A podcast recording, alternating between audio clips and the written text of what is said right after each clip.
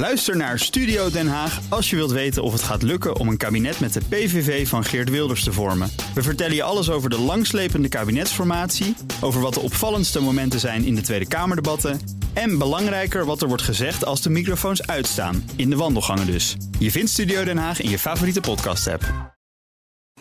De column van Jaap Jansen. Er broeit iets in het CDA.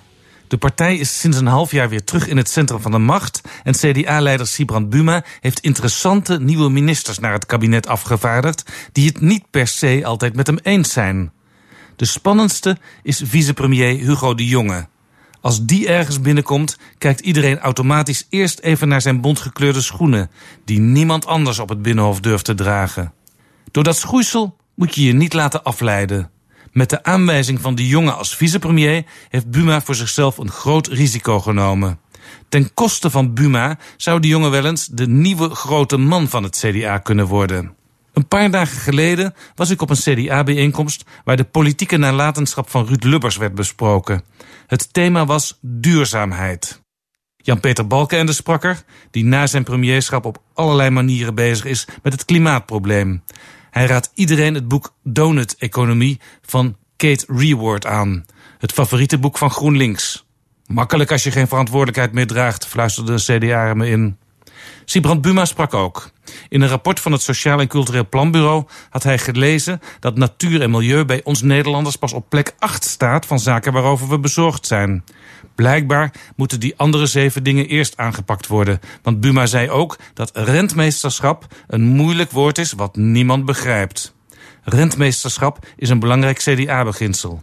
Het betekent dat je de aarde verstandig beheert en goed achterlaat voor je kinderen.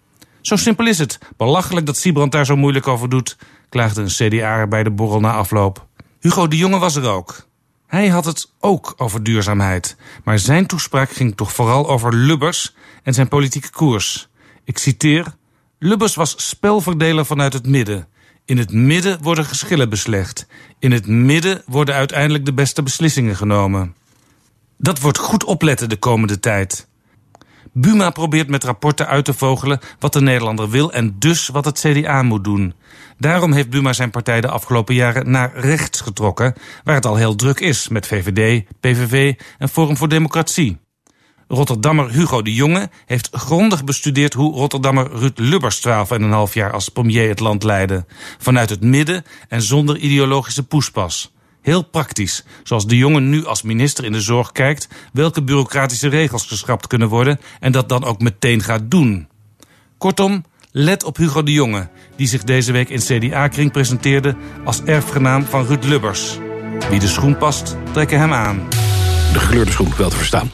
Zij Jaap Jansen, onze politieke columnist op donderdag. En u kunt zijn column terugluisteren op bnr.nl en in de BNR-app.